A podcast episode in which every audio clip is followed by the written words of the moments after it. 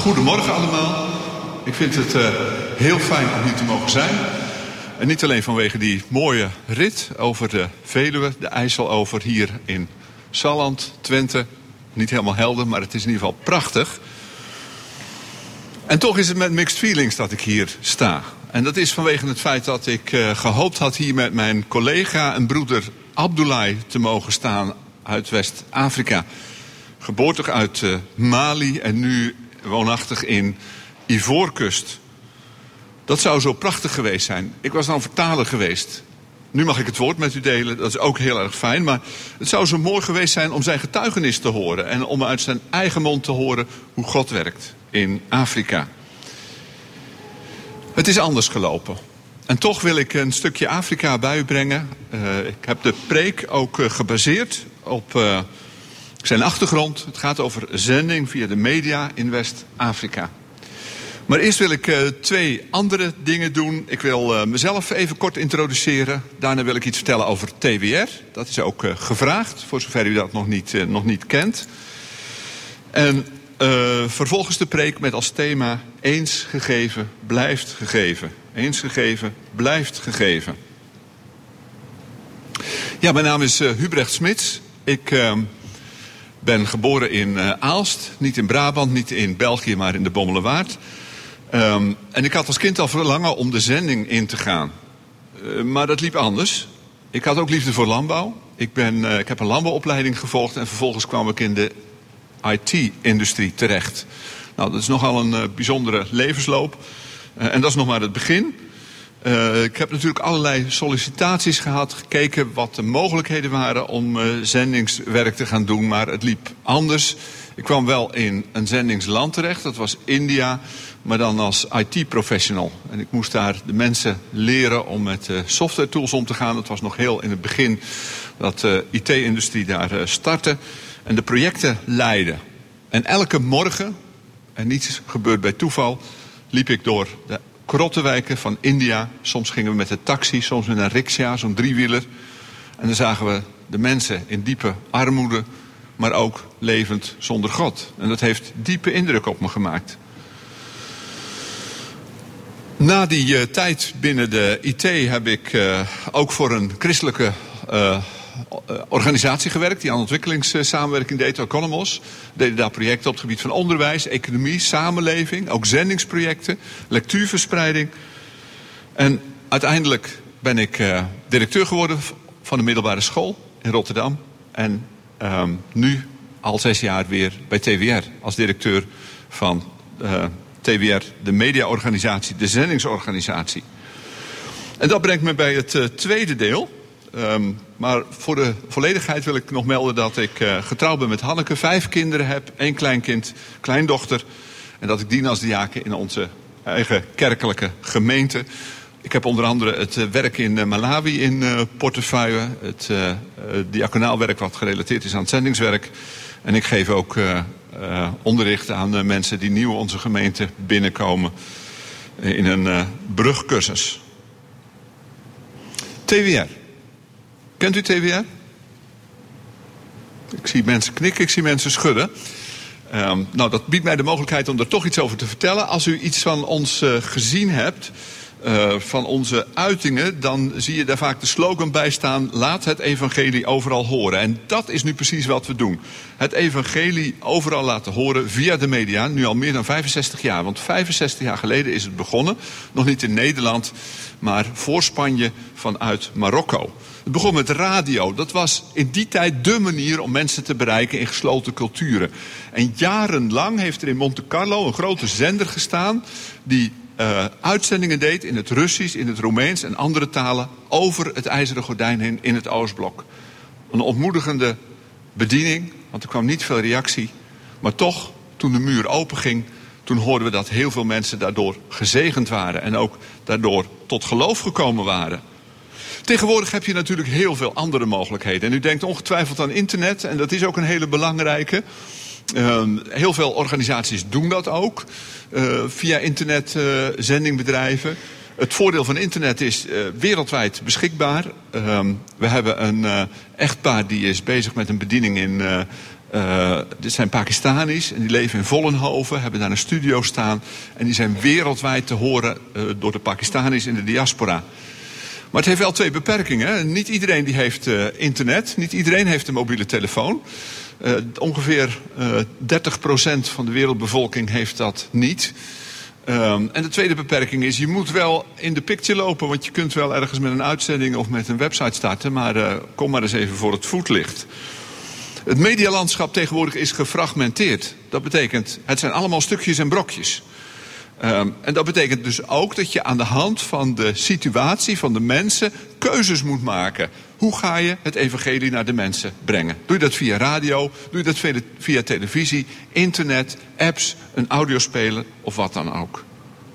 Ik wil twee voorbeelden noemen daarvoor. En dan wordt het misschien ook wat duidelijker waarom we dat op die manier doen. Het eerste voorbeeld is de luistergroepen. Dat doen we heel veel in Aziatische landen. Bangladesh is een voorbeeld. Daar hebben we er meer dan 3000 van. We geven aan één leider, bijvoorbeeld een familiehoofd, geven we zo'n luisterapparaat, een mediaspeler of een radio. En we vragen hem om wekelijks bij elkaar te komen om samen te zingen, te bidden en naar het evangelie te luisteren. En dat is een hele mooie manier om niet alleen christenen te bereiken, maar ook niet-christenen uh, uit te nodigen om te komen. Want christenen vinden het dan heel gemakkelijk om ook hun moslimbuurman bijvoorbeeld te vragen om dan ook uh, te komen. Het sluit aan bij de beleving van die mensen daar in Azië om dingen samen te doen en om vanuit relatie ook het um, evangelie van het koninkrijk te brengen. Een heel ander voorbeeld, dat is een, een app, die hebben we in uh, Siberië. Um, daar hebben we een uh, radiostation wat via internet uitzendt. Um, en doet dat uh, aan de ene kant voor christenen, aan de andere kant ook voor niet-christenen. Ze maken promotie met korte drie minuten spots via FM-radio, die iedereen wel hoort als hij in de auto zit of wat dan ook. En uh, stellen dan voor om te gaan luisteren naar die uh, internetbediening.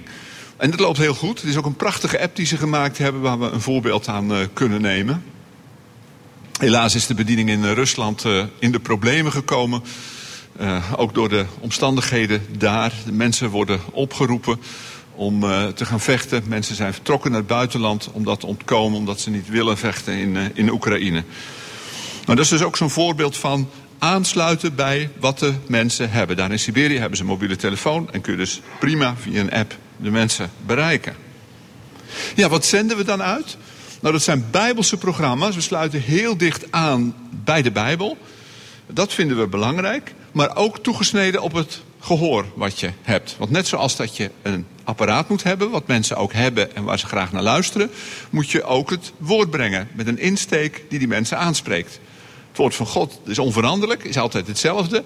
Maar iemand die uh, in het Midden-Oosten woont, um, een vrouw in het Midden-Oosten bijvoorbeeld, die heeft een heel andere um, zit in leven, die zit er op een hele andere manier in dan een, een jup die ergens in uh, een Indiase uh, binnenstad zijn, zijn brood verdient.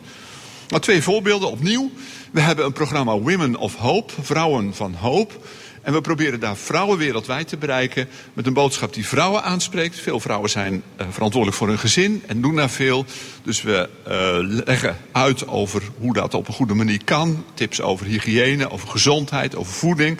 En dat soort zaken. Maar we brengen ook het evangelie. Het is een formaat wat niet alleen christelijke vrouwen aanspreekt, maar ook niet-christelijke vrouwen. Tweede voorbeeld. The Way of Righteousness.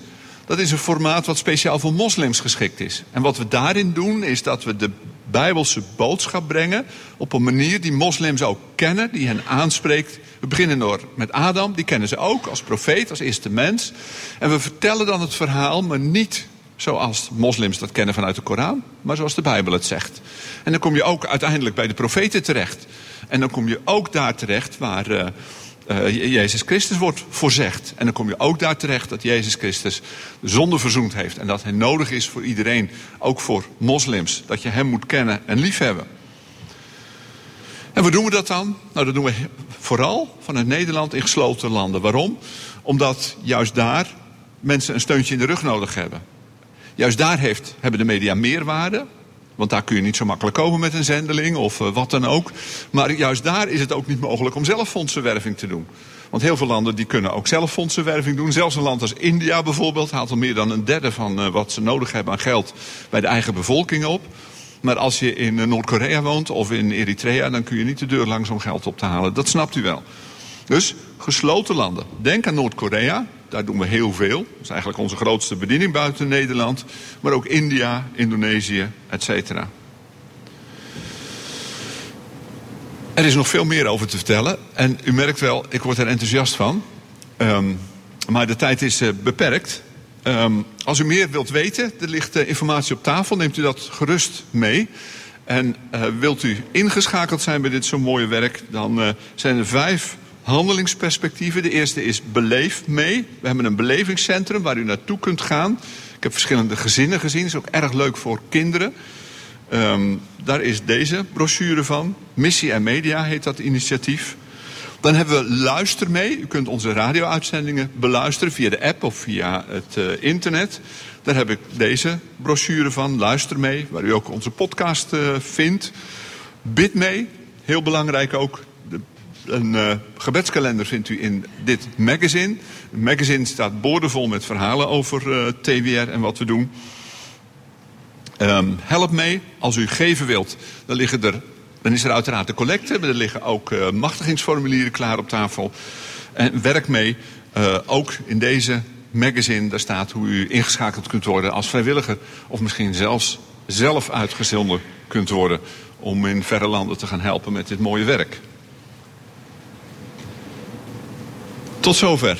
TWR en mijzelf en kan me zo voorstellen dat u uh, vragen heeft. En uh, stelt u ze gerust, want ik ben uh, na de dienst bij de koffie aanwezig en schiet me dan aan.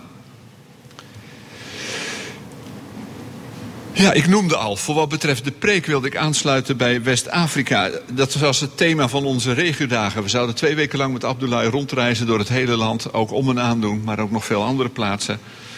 En ik eh, wil toch graag die thematiek uh, nu aan de orde stellen en dat in een preek met als thema eens gegeven blijft gegeven. En het uh, tekstvers wat ik met name voor het voetlicht wil brengen is Romeinen 11, vers 29. Want de genadegave en de roeping van God zijn onberouwelijk. Romeinen 11, vers 29. Ik wil de Bijbelgedeelte ook lezen voor het goede begrip. Maar uh, eerst wil ik graag bidden om de opening van het woord en de opening van onze harten. Heer Almachtig God, trouwe Vader, tot u komen in gebed om u dank te zeggen. Dank u dat we hier bij elkaar mogen zijn, rondom het geopende woord. Dank u dat u uh, daar voor ons gezorgd hebt, dat u veilig ons hier gebracht hebt. En nu hebben we uw Heilige Geest zo nodig. In onze harten, bij het lezen, bij het uitleggen, bij het horen Heer, wilt u geven dat uw woord mee mag reizen. Niet alleen in onze harten, maar ook wereldwijd. Wilt u uh, de bediening, het zendingswerk zegenen. En wilt u uh, geven dat, uw koninkrijk mag worden uitgebreid. Ja, mag worden voltooid tot aan de einde van de aarde. En dat u terugkomt op de wolken van de hemel. In dat verlangen bidden wij u in Jezus' machtige naam. Amen. Ik wil graag het uh, gedeelte lezen. Dat komt uit Romeinen 11. Romeinen 11 vanaf vers.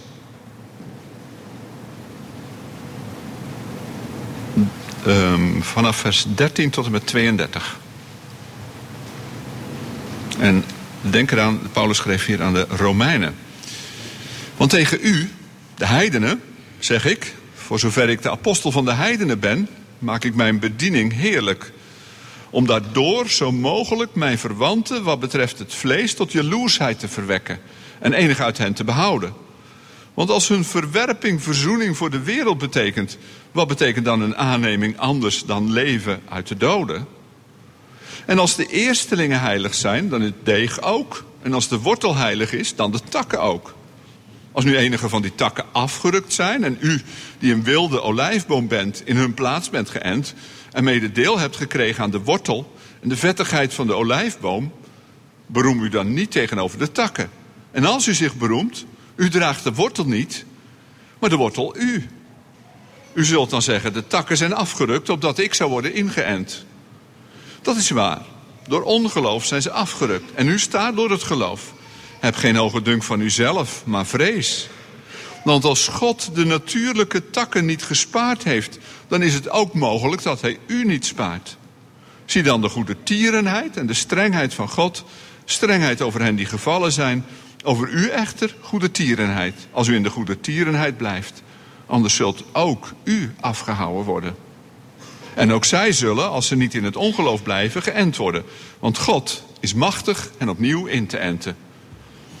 Want als, u de want als u afgehouden bent uit de olijfboom, die van nature wild was, en tegen de natuur in op de tamme olijfboom geënt bent, hoeveel te meer zullen zij, die natuurlijke takken zijn, geënt worden op een eigen olijfboom. Want ik wil niet, broeders, dat u geen weet hebt van dit geheimenis, opdat u niet wijs zou zijn in eigen oog, dat er voor een deel verharding over Israël is gekomen, totdat de, vol, totdat de volheid van de heidenen is binnengegaan. En alzo zal heel Israël zalig worden, zoals geschreven staat. De verlosser zal uit Sion komen en zal de goddeloosheden afwenden van Jacob. En dit is het verbond van mij met hen, wanneer ik hun zonde zal wegnemen. Ze zijn weliswaar wat het evangelie betreft vijanden vanwege u, maar wat de verkiezing betreft geliefden vanwege de vaderen. Want de genadegave en de roeping van God zijn onberouwelijk. Zoals ook u immers voorheen God ongehoorzaam was, maar nu ontferming verkregen hebt door hun ongehoorzaamheid. Zo zijn ook zij nu ongehoorzaam geworden, opdat ook zij door de ontferming die u bewezen is, ontferming zouden verkrijgen. Want God heeft hen alle in ongehoorzaamheid opgesloten om zich over alle te ontfermen. Tot zover het woord van God. Ja, toen ik uh, over het werk in West-Afrika dacht, kwam deze tekst mij voor de geest. De genadegave en de roeping van God zijn onberouwelijk. En daarom het thema eens gegeven, blijft gegeven. En met deze preek wil ik u bemoedigen, maar ook aanmoedigen. Eerst wil ik stilstaan bij de context. En dat is de unieke plaats van het volk Israël. Want daar spreekt de apostel Paulus over. En dat is uh, een uh, lastige uh, onderwerp om te bespreken, want er zijn zoveel verschillende visies over Israël. En je kunt zomaar iets zeggen waarmee ik mensen bezeer, of waar mensen denken van ja, maar denk, daar denk ik heel anders over. Dus bij voorbaat wil ik mijn excuus daarvoor maken en ik ga proberen zo dicht mogelijk bij de Bijbel te blijven, zodat, we, zodat u me volgen kunt en zodat we het eens zijn. Dan de tweede is, ik wil het hebben over de genadegave en de roeping. En het derde is onberouwelijk. Het moeilijke woord onberouwelijk. Dus Israël, de genadegave en de roeping en onberouwelijk. Als eerste wil ik u meenemen naar West-Afrika. En dan zult u ook begrijpen waarom ik deze tekst gekozen heb. Ik wil u nemen naar West-Afrika. Een aantal jaren geleden belde een zendingswerker, het is al vijf jaar geleden, belde een zendingswerker ons op en die vertelde het volgende. Hij zei: Ik ben werkzaam in eh, West-Afrika. En daar ben ik werkzaam onder een stam die de Danieten genoemd wordt, of de Yakuba. En dat zijn mensen die heel veel, um, heel veel gewoonten en ook zelfs de taal hebben van het volk Israël. Je kunt dat terugzien, bepaalde gebruiken.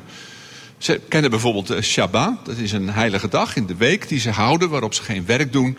Ze kennen de Kohenim, dat zijn de priesters, dat komt van het Hebreeuwse woord Kohen. En ze hebben een soort heiligdom in hun uh, dorp staan, een soort tabernakel waar ze eens in de week ook uh, uh, hun eredienst hebben. Zelf zeggen ze dat ze van de Falasja's afstemmen. En misschien kent u de Falasja's wel, dat zijn de Ethiopische Joden.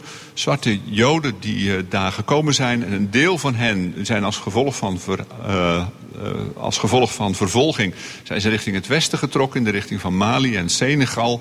En uiteindelijk naar het zuidoosten. En zijn ze daar terechtgekomen. In Ivoorkust, het westen daarvan, een stukje van Guinea en een stukje van Liberia. En nu zou het zo mooi zijn, want ik zie een opwekking daar. Mensen komen tot geloof als ik de Bijbel bij hen breng. Want die Bijbel die is toch naar de achtergrond geraakt. Het zijn eigenlijk meer animisten dan dat het Joden zijn. Maar nu zou het zo mooi zijn als we die evangelieprediking konden ondersteunen met radio-uitzendingen. Kun je dat regelen? Nou, dat willen we natuurlijk heel graag regelen. Maar dat is nog best wel lastig, want onze bediening is uh, gedecentraliseerd. Dus we hebben een bediening in Afrika, in Azië, nou ja, noem maar op. Dus we moesten mensen van zijn organisatie aan die van ons knopen en zorgen dat er uitzendingen kwamen. En uiteindelijk, na veel moeite, die ik u besparen zal, is dat ook gelukt. Er zijn uitzendingen gekomen en uh, dat heeft een hele mooie vrucht gehad. Nu weet ik niet hoe u tegen dit verhaal aankijkt. Uh, misschien wel sceptisch. Ik zie hier geloof ik ook wat sceptische gezichten. Uh, er zijn ook heel veel verhalen, dat weet u misschien wel, over de verloren stammen van het volk Israël in, uh, in Nigeria, in, in Afrika. In Nigeria heb je bijvoorbeeld de Ibo, die de stam van Gad zouden zijn. En je denkt misschien van ja, deze mensen die zien er net zo uit als alle andere Afrikanen. Dus hoe kunnen dat nu Joden zijn? En misschien denkt u wel van ja, maar hoe zit het dan met uh, openbaring? Daar werd toch gezegd dat die verzegelden niet uit de stam van Dan kwamen. Dat wordt dan helemaal niet meer genoemd. Als ik eerlijk ben, ik was ook wel sceptisch. Maar ik dacht, deze mensen hebben het evangelie nodig. Of ze nu van de Joden afstammen of niet van de Joden. Wij gaan ze het evangelie brengen. En dat is gelukkig ook met de hulp van uh, de mensen in Afrika. En die hebben natuurlijk het belangrijkste deel gedaan. Is dat ook gelukt. Ja, de unieke plaats van het volk Israël, want daar hebben we over gelezen. Eigenlijk hadden we hoofdstuk 9 tot en met 11 moeten lezen, maar het was al een behoorlijk lang stuk. Dus um, ik heb dat niet gedaan. Maar ik probeer dat even in het kort in uw uh, gedachten te brengen. Paulus signaleert dat het volk van God, en dat is eerder in deze dienst ook al genoemd bij de introductie van uh, uh, de gezangen, dat het volk zich steeds van God afkeert. Er werd die angst genoemd. En die angst is op zich niet fout, maar wel dat je je daardoor van God af gaat keren en gaat morren bijvoorbeeld, zoals in de woestijnreis. Maar ook als ze in Israël wonen, dan er vaak, worden er vaak vreemde goden uh, worden gevolgd. Maar door al die um, verkeerde dingen, door het afkeren van God, daarmee heeft het volk niet voor God afgedaan. Nee, het is nog steeds het volk van God. Er blijven rijke beloften voor Israël, schrijft, uh, schrijft uh, Paulus. Ze zijn geliefd, dat lezen we in vers 28, omwille van de voorvaderen. Maar er is een speciale reden dat uh, Israël zich van Jezus afwendt. Namelijk om plaats te maken voor de christenen uit de heidenen. Dat is een moeilijke gedachte. En er zou natuurlijk een reactie van die Romeinen kunnen zijn. En er zou zomaar een reactie van u en van mij kunnen zijn. Van, oh ja, uh, zij, zijn, zij zitten ernaast. Um, zij zijn uh, niet meer het volk van God, maar wij wel. Want wij hebben geloof en zij hebben dat niet. Nou, zegt Paulus, beroem je daar maar niet op dat je geloof hebt. Je bent gered bij de gratie van het uitverkoren volk van God. Alleen door Israël kunnen jullie geloven. En Paulus die beschrijft drie beelden om dat helder te maken. Eerst schrijft hij over het, de eerstelingen en over het deeg. Dat lezen we in vers uh, 16. Als de eerstelingen heilig zijn, dan ook het deeg. Nou, wat waren die eerstelingen? Als de nieuwe oost binnenkwam, dan werden de eerste aren, de eerste schoven, die werden binnengebracht om de Heer geofferd te worden. En er werden ook uh, uh, koeken werden daarvan gebakken, broden werden daarvan gebakken. En die eerstelingen waren heilig, maar het deeg was ook heilig. Wat bedoelt Paulus daarmee? Nou, die eerste christenen, want gelukkig waren er wel christenen uit de Joden. Die eerste christenen die geven aan dat niet alleen zij bij Christus horen, maar dat het hele volk nog steeds bij God hoort. Paulus gebruikt een tweede beeld om het nog duidelijker te maken. Dat is de wortel en de takken. Als de wortel heilig is, ja, dan is ook de boom die daaruit groeit, er zijn ook de takken die zijn heilig. En dat is hetzelfde beeld. Die eerste christenen die uit de Joden komen, die geven eigenlijk een soort belofte voor het hele volk. En Paulus gaat dat beeld verder uitwerken in wat ik zou kunnen noemen een derde beeld, maar je zou kunnen ook kunnen zeggen van dat is nog steeds dat tweede beeld. Dan gaat het over inenten. Want die stam waar het volk van Israël uitgegroeid is, die is heilig en die takken zijn heilig, maar die takken zijn afgevallen door ongeloof. En nu zijn er wilde takken ingeënt. Dat zijn de christenen uit de heidenen. Dus er zijn takken uit de natuur, die zijn daar ingebracht. U kent het endproces waarschijnlijk met een inkeping die precies past op de tak die er ook is. Wordt het bij elkaar gebracht, vastgebonden en wordt het ingeënt. Maar als u tuinder bent, dan weet u wel dat dit eigenlijk een hele rare manier van doen is. Want normaal ga je geen wilde takken in een goede stam, in een edele stam enten, maar dan doe je juist het omgekeerde. Maar Paulus gebruikt dit om duidelijk te maken wat die specifieke, die speciale uh, betekenis van het volk Israël is. Hij zegt daarmee, zoals die wilde takken zijn ingeënt, kan God toch ook weer de goede, de edele takken inenten. En pas maar op, Romeinen, je kunt je wel beroemen dat, jij het, dat jullie het volk van God zijn. Maar je kunt ook zomaar weer uitvallen door ongeloof.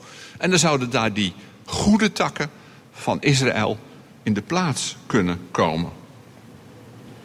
En tegen die achtergrond moeten we ons tekstvers lezen.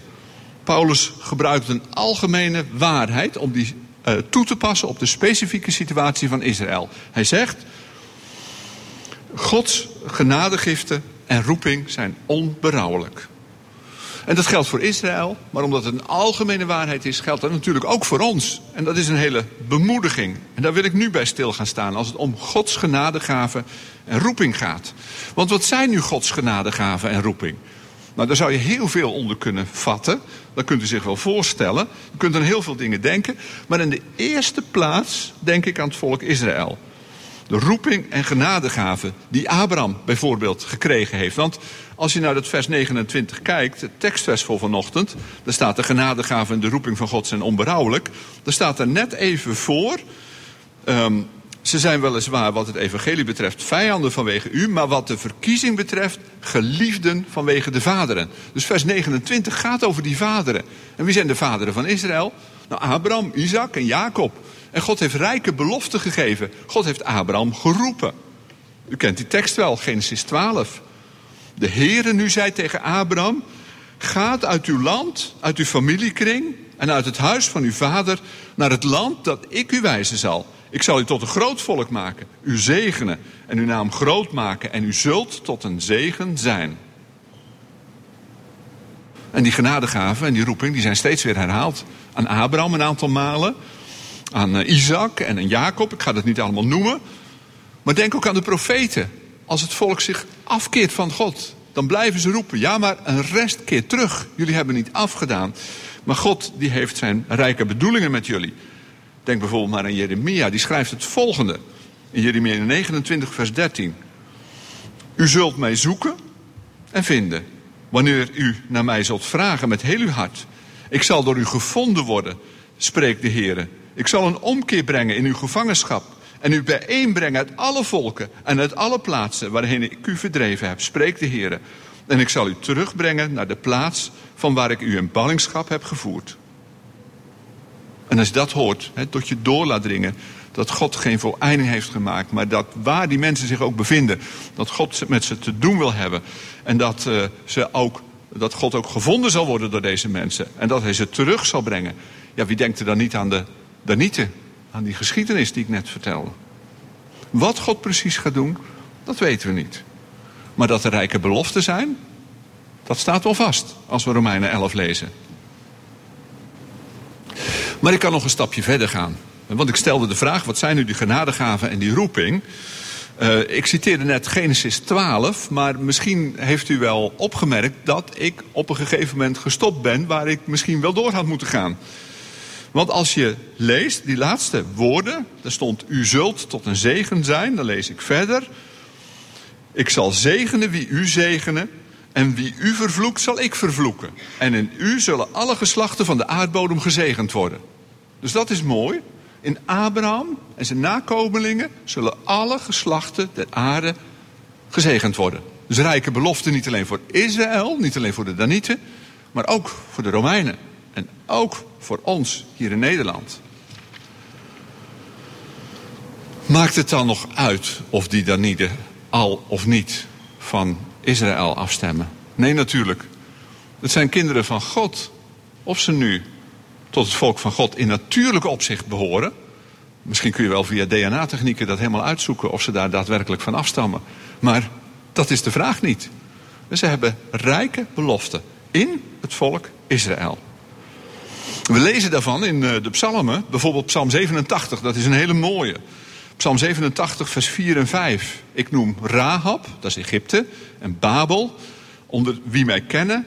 Zie de Filistijn en de Tyriër met de Cushit, dat zijn de mensen uit Afrika, die zijn daar geboren. Van Sion wordt gezegd, man voor man is erin geboren. De Allerhoogste zelf doet haar stand houden. De Heere telt hen erbij, wanneer hij de volken opschrijft. En dat betekent dat er hoop is. Of u nu al dan niet van Israël afstamt. En misschien heeft u ons logo wel eens gezien. TWR. Kunt het niet lezen. Ik lees het voor u. Bron van hoop. Dat is het uh, mooie, dat er hoop is. En die hoop die mogen we als TWR ook uitgieten. En het instrument, het kannetje vooruit, van waaruit we die hoop mogen uitgieten, dat kan een radio zijn, dat kan een browser van een um, internetpagina zijn, dat kan een app zijn op een mobiele telefoon, dat kan een mediaspeler zijn. En dat brengt ons tegelijk ook bij die bron van hoop. Want wat is nu eigenlijk de bron van hoop? Dat is niet TWR, we zijn zelf geen bron, maar die bron is Jezus Christus, Gods Zoon, die uit Israël is voortgekomen. Lees in het gedeelte Romeinen 10, vers 12 tot en met 15 maar eens. Romeinen 10, vers 12 tot en met 15. En ik lees daar een, eh, een stukje van. Het begint met: Er is immers geen enkel onderscheid tussen Jood en Griek. Want één en dezelfde is Heere van allen. En hij is rijk voor allen die hem aanroepen. Want ieder die de naam des Heeren zal aanroepen, zal zalig worden. Hoe zullen zij dan aanroepen in wie ze niet geloven? En hoe zullen zij in hem geloven van wie zij niet gehoord hebben? En hoe zullen zij horen zonder dat iemand hem predikt? En hoe zullen ze prediken als ze niet gezonden worden? Zoals geschreven staat, hoe lieflijk zijn de voeten van hen die vrede verkondigen, van hen die het goede verkondigen. Nou, dat is de rijke belofte voor Jood en Griek, staat er in deze vertaling, voor uh, christenen uit de heidenen, christenen uit de Joden. Ja, en dan het laatste woord, onberouwelijk. Dat is misschien wel een wat raar en wat verouderd woord. Wat betekent dat nu, onberouwelijk? Het komt zelfs in de Bijbel niet zo heel vaak voor. In het Nieuwe Testament komt het maar twee keer voor. Onberouwelijk betekent dat je ergens geen spijt van krijgt. En dat heeft alles te maken met hoe God is. God kan geen berouw hebben. Jacobus die schrijft erover in Jacobus 1 vers 17. U kent die tekst misschien wel. Elke goede gave en elk volmaakt geschenk is van boven. En daalt neer van de Vader der lichten. Bij wie er geen verandering of schaduw is van omkering. Het is een eigenschap van God dat hij onberouwelijk is. En het mooie is dat we dat ook kunnen horen aan de naam van God. En die naam van God, Gods grootste naam zou je kunnen zeggen, is Yahweh. Nou, en die naam die gebruiken we maar weinig, die staat ook niet in de Bijbel. Ik heb hier de herziene statenvertaling. In de meeste vertalingen staat hij niet als Yahweh, maar staat hij als Heren met hoofdletters. Dat is eigenlijk hetzelfde. En Yahweh of Heren met hoofdletters betekent ik ben. Of ik zal zijn die ik zijn zal. Of ik ben erbij. En het geeft de trouw en onveranderlijkheid van God weer. Dat is mooi. Als je de Bijbel leest, dan moet je daar eens over nadenken. Elke keer als je die naam Heren leest, en die komt heel vaak voor, dat het gaat over ik ben. Ik ben erbij. Maar niet alleen God de Vader is de onveranderlijke, maar ook God de Zoon, Jezus Christus. We lezen dat in Hebreeën 13, vers 8. Jezus Christus is gisteren en heden dezelfde en tot in eeuwigheid. Zo Vader, zo Zoon. En zo wordt Jezus ook de rots genoemd. Hij is onwankelbaar. Op hem kun je staan. Op hem kun je aan. Op hem kun je bouwen. Even tussendoor. We lezen in de Bijbel wel dat God berouw heeft. Hè? Dat, dat weet u misschien wel als u de Bijbel goed kent. Bij, uh, uh, in het Bijbelboek Jona staat dat bijvoorbeeld. En we lezen dat ook in Genesis. Ik noem nu even alleen Jona eruit. Er staat uh, dat God het berouwt wat hij uitgesproken heeft over Nineveh. En dat hij dat kwaad wat hij over Nineveh gedacht had te zullen brengen. Wat Jona aangekondigd had. Nineveh zal omgekeerd worden. Dan staat er, God berouwt het dat hij dat gezegd had. En hij deed het niet. Dan lijkt het alsof God toch berouw heeft. Maar God is de onveranderlijke. En waarom zegt God van zichzelf dat hij daar berouw had? Nou, om aan te geven hoe groot zijn liefde is en zijn genade voor Nineveh. Ja, die onveranderlijkheid en trouw is ook een speciale belofte voor een ieder die in de zending betrokken is. U en ik. Uh, ik noemde al hoe lieflijk zijn de voeten desgene die het goede boodschappen. Maar uh, u kent ook de zendingsopdracht en wat erachter staat. Zie, ik ben met u al de dagen tot de voleinding van de wereld. Is dat geen prachtig perspectief om daarbij betrokken te, te zijn? Ik ken u niet. Ik sta hier voor het eerst. Toen ik vijf jaar was, ben ik voor het eerst in Ommen geweest en daarna niet meer. Ik weet niet in hoeverre u Jezus Christus en zijn genadegaven kent. Maar als u hem nog niet kent, zou je hem niet willen leren kennen. Die rijke beloften die er zijn in het kruis van Christus. Want weet je wat ook onberouwelijk is? Dat is bekering. Als je tot God jezelf omdraait. Want dat is de tweede keer dat het in het Nieuwe Testament staat, het woord onberouwelijk. Daar staat in 2 Korinthe 7, vers 10, de onberouwelijke bekering tot zaligheid. En dat betekent, daar krijg je nooit spijt van. Dat is geweldig. En dan zijn die beloften en die roeping, die zijn ook voor jou. We hebben dat zelf mee mogen maken. Want net voor coronatijd ben ik naar uh, uh, Senegal geweest en naar Ivoorkust. En in Ivoorkust heb ik ook die niet zelf mogen bezoeken. Ik ben bij het radiostation geweest wat die uitzendingen doet. En we werden daar feestelijk ontvangen. We kregen het kostuum van een chief aan. Ik heb even overwogen om dat vanmorgen aan te trekken. Heb dat niet gedaan. Um, en ik kreeg zelfs een nieuwe naam. Zlandi. God bestaat. En toen hebben we heel veel getuigenissen gehoord van mensen die tot geloof gekomen waren. En dat zijn getuigenissen vaak heel uitgebreid. En ze gaan vaak over de geestenwereld. En een voorbeeld daarvan, een korte, is Dego Matthias. Een jonge man die ook tot geloof gekomen is. Hij was in de ban van occultisme. En hij, was ook, leidde ook een slecht leven. Hij had geld gestolen van zijn tante, bij wie hij in huis was. En zijn tante verdiende wat geld door uh, eten te verkopen. Eten te koken en te verkopen aan anderen. En toen zijn tante merkte dat er geld gestolen was, was ze woedend. En ze nam hem mee naar de tovenaar. En ze zei van, uh, ik wil het nu weten wat er gebeurd is. En die tovenaar die heeft een soort godsoordeel... waardoor hij uh, met allerlei middelen uh, aan kan wijzen wie het gedaan heeft.